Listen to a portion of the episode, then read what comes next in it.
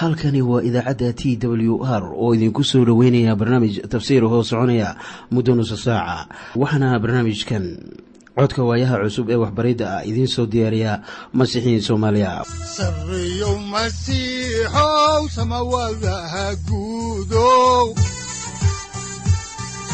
Siraadkii adduunkow subanaha eebow sareyow masiixow samawadaha guudow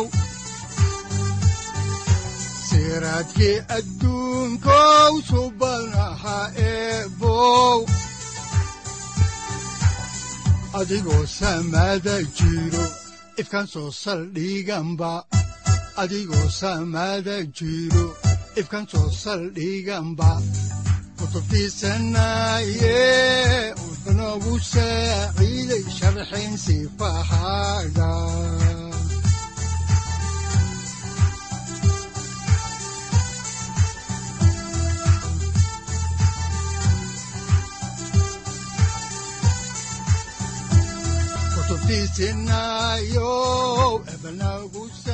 ku soo dhowaada dhegaystayaal barnaamijkeenna dhammaantiinba. Waxaan horay u sii wadi doonnaa daraasaadkii la magac baxay baibalka dhammaantii waxaannu caawa idiin bilaabi doonnaa cutubka siddeed iyo tobanaad ee injiilka sida yooxanaa uu u qoray oo mawduucyadiisuna ay ka kooban yihiin qabashadii iyo maxkamaddii ciise. Qabashadii ciise oo ka dhacday beertii getsemaane.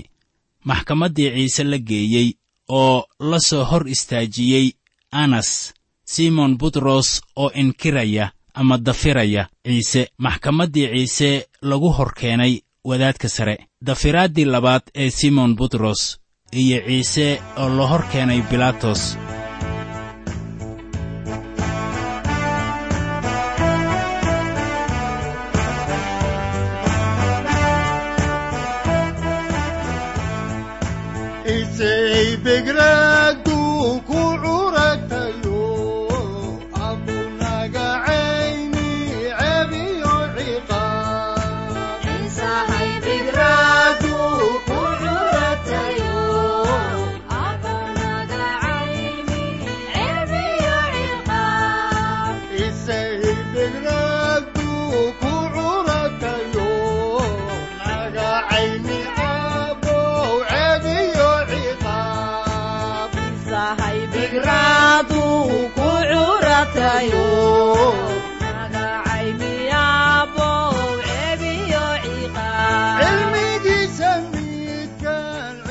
markii noogu dambaysay waxaannu soo gunaanadnay cutubkii toddoba iyo tobanaad. Waxaanan ka hadlaynay in ciise uu yahay wadaadkeenna sare. Waxaan isla markaana soo gunaanadnay wadaxaajoodkii qowladdii sare ka dhacayey oo inooga soo bilowday injiilka sida yooxanaa uu u qoray cutubka saddex iyo tobanaad oo ku xidhmay baryadii weyneed ee cutubka toddoba iyo tobanaad. Wadaadkii agostino ahaa ayaa cutubkan toddoba iyo tobanaad ka faallooday oo wuxuu yidhi garashada hadalladan ku qoran cutubka toddoba iyo tobanaad ee injiilka sida yooxanaa uu u qoray waa kuwo sahlan laakiin fikrad ahaan way baaxad dheer yihiin haddaba kuwaasi waa warbixinno dhab ah. Waxaannu haatan soo gaarnay qaybtii shanaad ee injiilka sida yooxanaa uu u qoray oo ka hadlaya ciise oo ku markhaati furaya dunida. Waxaana qisadanu ay ku idlaanaysaa ama ay sii soconaysaa ilaa iyo cutubka labaatanaad. Waxaan cutubkan ku arkaynaa isagoo la qabanayo oo la horkeenayo wadaadka sare.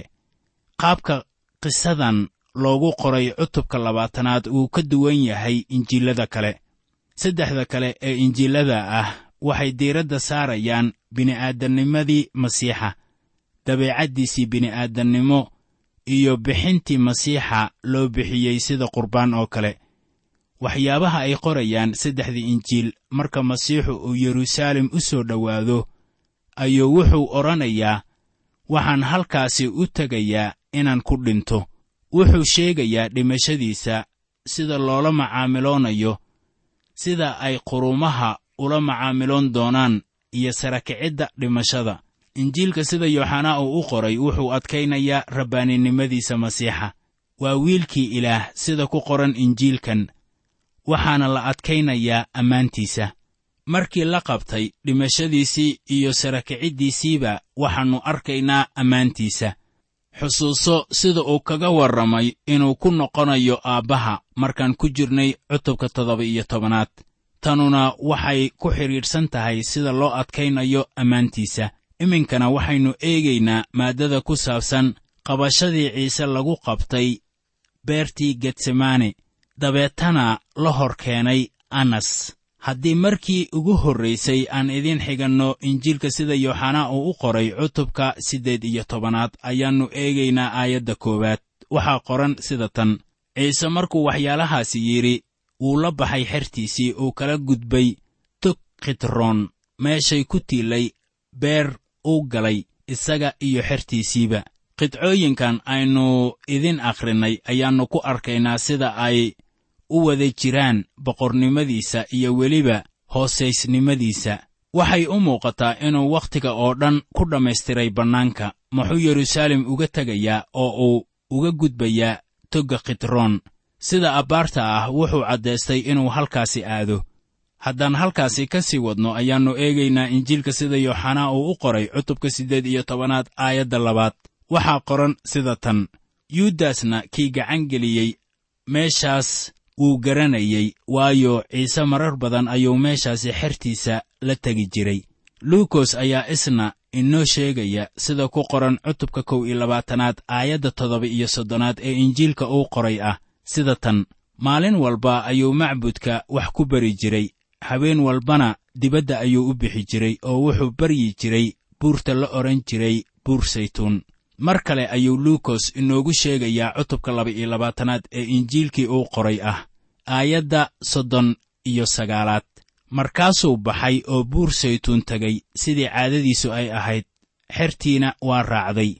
Haddaba sayidkeennu wuxuu haatan ka gudbay toggaasi lagu magacaabo khitroon kadib markii yuudas iskariyot uu go'aansaday inuu gacan geliyo isaga. Waxaa laga yaabaa inaad xusuusato qiso kale oo ku saabsan qof kale oo ka gudbay togga khitroon kaasuna wuxuu ahaa nebi daa'uud markii wiilkiisii absalom uu ku kacay dadkii oo axitofel oo saaxiibkiis ahaa welibana la taliya u ahaa ayaa qiyaameeyey. Waxaan garanaynaa haddaba in ciise aannu habeen qura sii joogin magaalada yeruusaalem oo ahayd magaalo derbi weyn uu ku hareeraysnaa toddobaadkii ugu dambeeyey noloshiisa wuxuu aaday beytaniya wuxuuna halkaasi la soo joogay saaxiibbadiis weliba habeenkii u dambeeyey ayuu ka tegay magaaladan wuxuuna aaday halka la yidhaahdo getsamaane wuxuu u socdaa meel deggan si uu cadowgiisa u siiyo fursad ay ku qabtaan. Waxay doonayeen inay qabtaan isaga laakiin waxay ka baqayeen dadkii badnaa. Ma ahayn waxa ay ku dhiiran karayeen qabashadiisa markii uu joogay macbudka amase uu joogay waddooyinka yeruusaalem waxaad ogaataa in yooxanaa aannu halkan inoogu soo daraynin xanuunka uu kala kulmay beertan la yidhaahdo getsemaane yooxanaa qori maayo salaaddiisii iyo silicii weynaa ee uu kala kulmay getsemaane wuxuuse ka hadlayaa ammaantiisa. Wuxuu diiradda saarayaa rabbaaninimada masiixa halka qorayaasha kale ee injiilada ay adkaynayaan bini'aadannimadiisa waxaad kaloo ogaanaysaa in ciise aannu is-hortaagaynin in la qabto. Isagu waxa weeye baraarka ilaah oo aan innaba is-hortaagaynin in la bixiyo.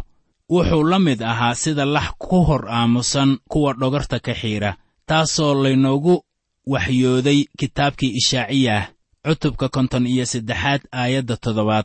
Sharafta qufnimadiisa wakhtigan xaadirka ah ayaa sare u kacday. Waxaad xusuusataa sida ku qoran dhacdooyinkii hore markii cadowgiisu ay isku dayeen inay qabtaan wuu iska qarin jiray. Sida abbaarta ah si mucjiso leh ayuu uga libri karayey haatan isagaa bannaanka iskeenay si loo qabto. Taasina way ahmiyad ballaaran tahay inaan maanka ku hayno. Haddaan horay idinku sii wadno injiilka sida yooxanaa uu u qoray ayaan waxaan eegaynaa aayadda saddexaad ee cutubka siddeed iyo tobanaad. Waxaa qoran sida tan haddaba yuudas isagoo askar iyo saraakiil ka wada wadaaddadii sare iyo farrisiintii ayuu meeshaasi la yimid laambado iyo siraado iyo hub. Markii taasu ay dhacday ayaa luukos uu ku qorayaa jawaabtii ciise masiix cutubka laba-iyo labaatanaad aayadda konton iyo labaad. Wuxuuna ciise yidhi ma waxaad iila soo baxdeen seefo iyo ulo sida inaan tuug ahay. Waxaa qoran in horma dad ah ay halkaasi yimaadeen. Waa meeshii uu joogaye. Waxaa la odhan karaa qiyaas ahaan waxay gaarayeen ilaa iyo shan boqol oo qofood injiilka sida matayos uu u qoray ayaa leh dad badan ayaa halkaasi la yimid yuudas maxay dadkaasi tirada badan ula imaanayaan iyagoo ul iyo seefo wata hormadaasu waxay garanayeen inuu ciise ahaa nin mucjisooyinka sameeya waxaana ay la noqotay haddii ay dad fara badan yihiin ama la yimaadaan inay qaban karaan. Waxaad ogaataa sharafta sayidkeenna. Haddaan xaalkaasi idinka sii akhrinno injiilka sida yooxanaa uu u qoray cutubka siddeed iyo tobanaad aayadda afaraad ayaa waxaa qoran sida tan. Sidaa daraaddeed ciise isagoo og waxa ku dhici doona oo dhan ayuu baxay uu ku yidhi iyaga kumaad doondoonaysaan saaxib. Miyaad u malaynaysaa inuu ciise ahaa nin maskiin ah oo itaal daran oo rag khatar ah oo diimaha ku takhasusay ay ku hareeraysnaayeen iyo weliba askartii reer rooma. Haddii aanay yeelin waxa ay doonayaan wax kasta ee ay haystaan ayaan qiimi u lahayn inay isaga kula dagaalamaan haddaan horay idinku sii wadno ee cutubka siddeed iyo tobanaad waxay odhanaysaa sida tan waxay ugu jawaabeen ciisihii reer naasareed markaasaa ciise wuxuu ku yidhi isagii baan ahay. Waxaana iyaga la taagnaa yuudas kii gacangelin lahaa. Markaana dooni maayo inaan tan halkaasi ku dhaafo anigoo sharaxaad ka bixinin. Maxaa wacay dooni maayo inay idin gudubto ama ay idin seegto maaddada tan muhiimka ah. Waxay ku yidhaahdeen waxaannu baadigoobaynaa ciisihii reer naasareed. Haddaba ma ayan siinin sharaftii uu lahaa. Waxay diideen inay ugu yeedhaan masiixa. Waa hagaag. Waa wax hagaagsan. Waayo ciise waa magac ka sarreeya magac kasta oo kale. Waxaase imaanaya marka kuwa dhulka jooga iyo kuwa dhulka hoostiisa jooga ee cadaabta ku jira ay u sujuudi doonaan magaca ciise. Laakiin iminka hormadan dadka ah ayaan ugu yeedraynin magaca uu leeyahay ciise oo ah badbaadiyaha masiixa iyo weliba wiilka ilaaha baaqiga ah. Iyagu garan maayaan tan la yaabka leh ayaa waxay tahay inaannu yuudas garanaynin muxuu haddaba yuudas u garan waayey isaga? Bawlos ayaa leh sida ku qoran warqaddiisii labaad ee reer korintos cutubka afaraad aayadaha saddex ilaa afar sida tan. Laakiin injiilkaygu hadduu daboolan yahay wuxuu ka daboolan yahay kuwa lumaya. Ilaahna wakhtigani waa ka indha tiray maanka kuwa aan rumaysanaynin. Inaan iftiinka injiilka ee ammaanta masiixa kan ah u ekaanta ilaah uu ifin iyaga waxaa laynoo sheegay in qofka caadiga ah aannu helaynin waxyaabaha ruuxa ilaah. Welibana ogaan kari maayo iyagu inay ruux ahaan xikmadi ku jirto.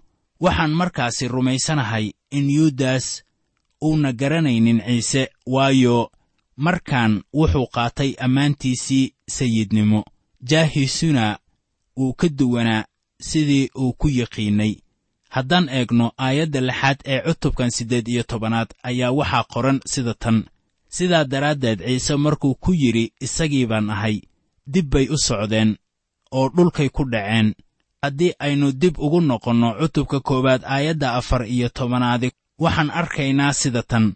Hadalkuna jir buu noqday oo waa ina dhex joogay oo waxaannu aragnay ammaantiisii taas oo ahayd ammaantii u ekayd tan wiilka keliya ee aabbaha ee nimco iyo run ka buuxa. Weliba saacadda gudcurka uu soo galay markaasoo uu isku bixinayo sida baraarka ilaah ee qaadaya dembiyada dunida ayuu wuxuu muujinayaa rabbaaninimadiisa markaasay gadaal isugu urureen wuxuu dadkan u muujiyey inuu xukun iyo amar leeyahay oo ayan qaban karin isaga haddaannu oggolaanin waxaan arkaynaa inayan horay isku soo tuurin oo ayan caabudin. Laakiin gadaal bay isku buurteen iyagoo bakdin la giriiraya. Waxaan u malaynayaa in halkaasi uu ka jiray wareer markaasoo ay gadaal u dhacayeen.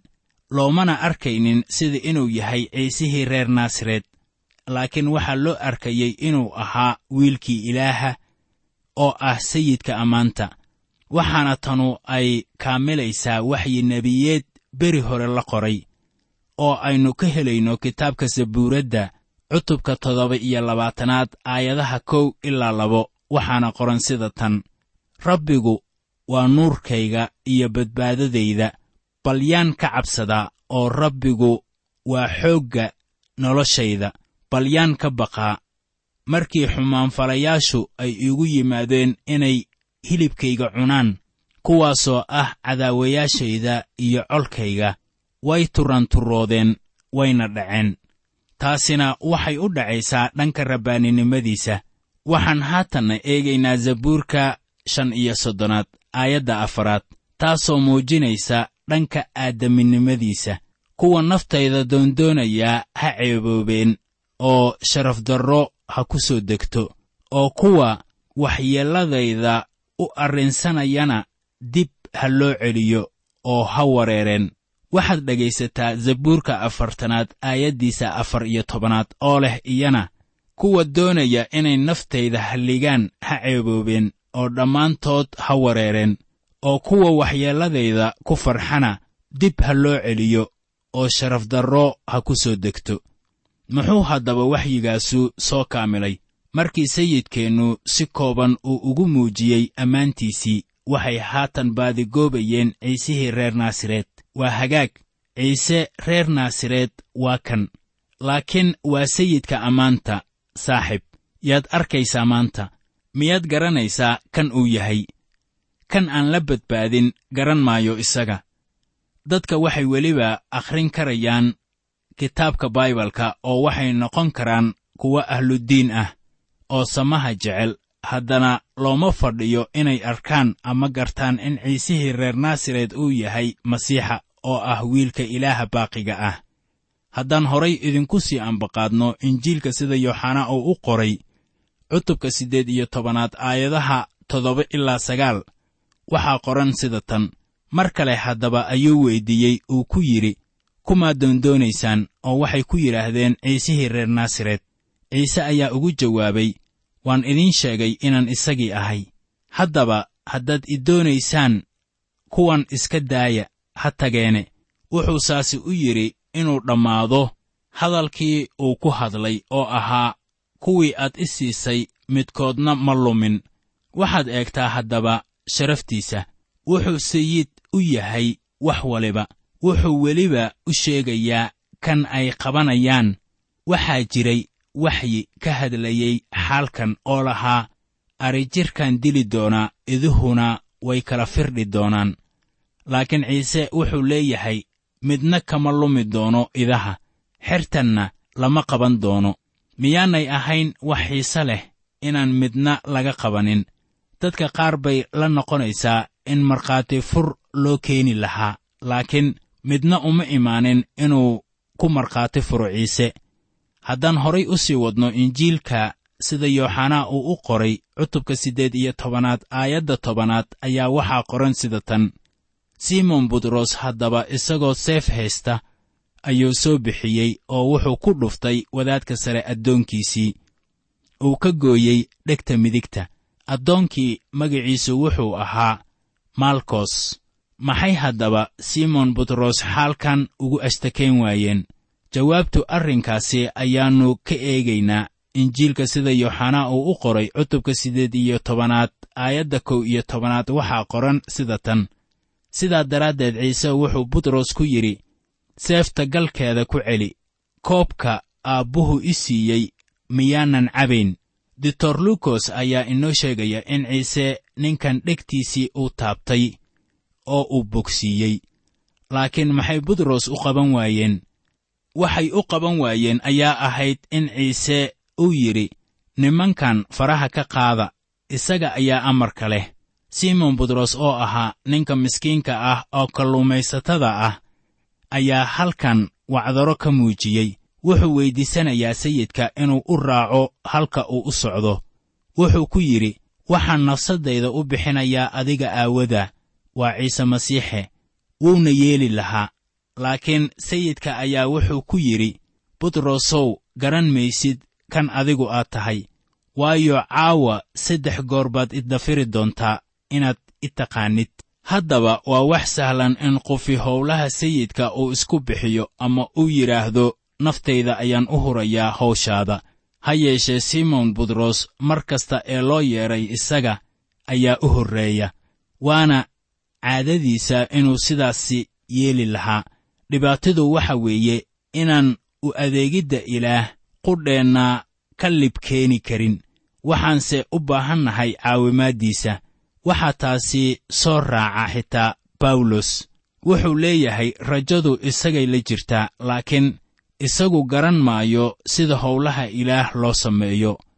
Waa ruuxa ilaah oo keliya tan soo saari karta nolosha masiixa ayiidsan waxaan u malaynayaa in butros uu niyadda iska lahaa. Waxaan tusayaa inaan xitaa u dhiman karo. Haddaba butros wuxuu ahaa nin kalluumaysato ah. Wuxuu shabaagada kalluunka ugu tuuri jiray badda si xirfadaysan laakiin dhanka seefta iyo dagaalka waa looga horreeyey. Dhegta ayuu kala helay addoonkii wadaadka sare halkii uu madaxa goyn lahaa. Sayidkeenna ayaa haatan ku leh war seefta dhulka dhig. Wakhti ka hor ayaa sayidkeennu wuxuu ku yidhi iyaga soo qaata seefihiinna taasuna waxay ahayd difaacooda. Mase ahayn inay isaga masiixa ah difaacaan. Sayidkeennu haatan isaga qudhiisa ayaa isku dhiibaya raggan doonaya inay xidhaan. Diyaar buu noqonayaa siduu yidhiba inuu ka cabo koobka aabbuhu uu soo hordhigay isaga. Waxaa haddaba jira koobab badan oo ku qoran qorniinka. Waxaa jira koobka badbaadada sida ku qoran zabuurka boqol lix iyo toban aayadda saddex iyo tobanaad. Waxaana qoran waxaan qaadan doonaa koobka badbaadada oo magaca rabbiga ayaan ku baryootomi doonaa. Waxaa kaloo jira koobka tacsida ama qalbiqaboojinta sida ku qoran kitaabkii yeremiyah cutubka lix iyo tobanaad aayadda toddobaad ee baalka sagaal boqol toddobaatan iyo saddex ee axdigii hore oo leh oo ciduna iyaga uma jejabin doonto kebistii arxanka inay uga tacsiyeeyaan kii dhintay. Oo ciduna iyaga ma siin doonto koobkii tacsida inay aabbahood ama hooyadood u cabaan. Waxaa kaloo jira koobka farxadda sida ku qoran kitaabka zabuuradda cutubka saddex iyo labaatanaad aayadda shanaad ee baalka toddoba boqol kow iyo toban ee axdigii hore. Waxaana qoran sida tan. Cadaawayaashayda hortooda waxaad iigu diyaarisaa miis oo saliid baad madaxayga ku subagtaa. Koobkayguna waa buux dhaafaa koobka hor yaalla sayidkeenna waxaa siiyey aabbaha. Wuxuuna ahaa koob aad u qaraar ciisena aad buu u baryootamay markii uu joogay beertii getsemaane injiilka sida matayos uu u qoray cutubka lix iyo labaatanaad aayadda soddon iyo sagaalaad ayaa lagu qoray oo wejigiisu u dhacay oo tukaday isagoo leh aabbow hadday suurtowdo koobkanu ha i dhaafo. Hase ahaatee yaanay noqon sidaan doonayo laakiin sidaad doonaysid ha noqoto. Koobkan xukunka ah ayuu innaga aawadeen isugu bixiyey iskutallaabta qof waliba ee dhabarka u jeediyey ciise masiix waa inuu koobkan ka cabo waana xukun dhimasho. Ciise innaga aawadeen buu u cabay koobkan. Inkastoo uu aad ugu qaraaraa waxaad xusuusataa inuu nin kaamil ahaa. Welibana aannu dembi lahayn wuxuuna ka cabayaa koobkan qaraarka ah waayo waa koobkii dembigaaga iyo kayga. Waxaa kaloo jira koob kale waana koobka xukunka oo dunidan imaan doona waxaan rumaysanahay toddobada weel ee carrada ee laga soo shubi doono kansharka leh sida ku qoran kitaabka muujinta in haatan la kaamilay. Zabuurka kow iyo tobanaad aayadda lixaad ayaa waxaa ku qoran kuwa sharka leh wuxuu ku hordaadin doonaa dabinno oo qaybta koobkooduna waxa weeye dab iyo baaruud iyo dabeel hanfi ah. Koobkanu waa kii carradiisa waxaana ku qoran kitaabkii yeremiyah cutubka shan iyo labaatanaad aayadda shan iyo tobanaad sida tan. Waayo rabbiga ah ilaaha reer banu israa'iil wuxuu igu leeyahay caradan koobkeeda khamriga gacantayda ka qaad oo waxaad wada cabsiisaa quruumaha aan ku dirayo oo dhan. Waxaa haddaba ogaataa waxa uu sayidkeenna ku leeyahay markaan ku soo noqonno cashirkeennan. Sida ku qoran aayadda tobanaad oo leh sidaas daraaddeed ciise wuxuu butros ku yidhi seefta galkeeda ku celi koobka aabbuhu i siiyey miyaannu cabaynin. Haddaba ma ahan inuu xaakin yahay uu amar ku cabayo koobka. Laakiin su'aal buu ka dhigay oo wuxuu yidhi miyaanan koobkan aabbahay ii dhiibay ka cabaynin. Haddaba ma jirto doonistaasi ka weyn balse yaanay inala noqonin in badbaadiyuhu koobka uu ka cabo uu ka cagajiidayo si xaalkaasi aynu si baahsan kaga jawaabno ayaannu eegaynaa warqaddii cibraaniyada cutubka laba iyo tobanaad aayadda labaad.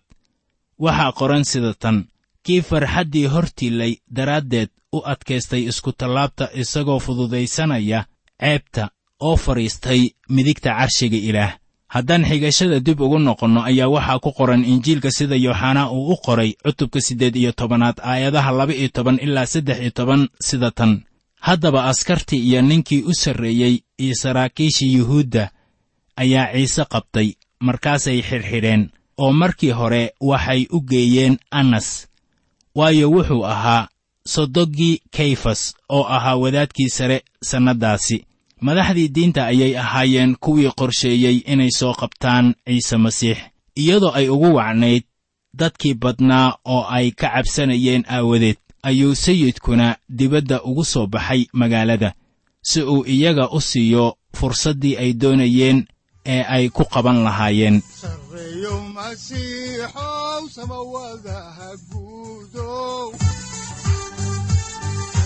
siraadkii adduunkow subanaha eebow adigoo samada jiro ifkan soo saldhiganba adigoo samada jiro ifkan soo saldhiganba saaciiday halkani waa t w r idaacadda t w r oo idinku leh ilaa ha idin barakeeyo oo ha idinku anfaco wixii aad caawi ka maqasheen barnaamijka. Waxaa barnaamijkan oo kalea aad ka maqli doontaan habeen dambe. Hadahan oo kale haddiise aad doonaysaan in aad fikirkiina ka dhiibataan wixii aad caawi maqasheen ayaad nagala soo xiriiri kartaan som t w r at t w r c o k e haddii aad doonaysaan in aad dejiisataan oo kaydsataan barnaamijka ama aad mar kale dhegaysataan fadlan mar kale booqo www t w r o r g. Amase www t t b t w r o r g. Amase waxaad teleefoonkaaga ku kaydsataa ama ku download garaysataa agabyada. Ku sahli karaa dhegeysiga t w r haddii aad doonayso in laga kaalmeeyo dhinacyada fahamka kitaabka amase aad u baahan tahay duco fadlan fariimahaaga soo mari bogga aaraahda ama kommentska inana jawaab degdeg ah ayaanu ku soo diri doonaa amase ku siin doonaaye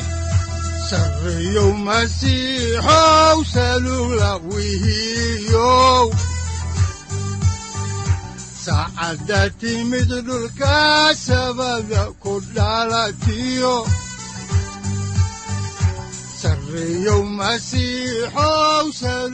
halkani waa t w r oo idiin rajaynaya habeen baraare iyo barwaaqaba leh.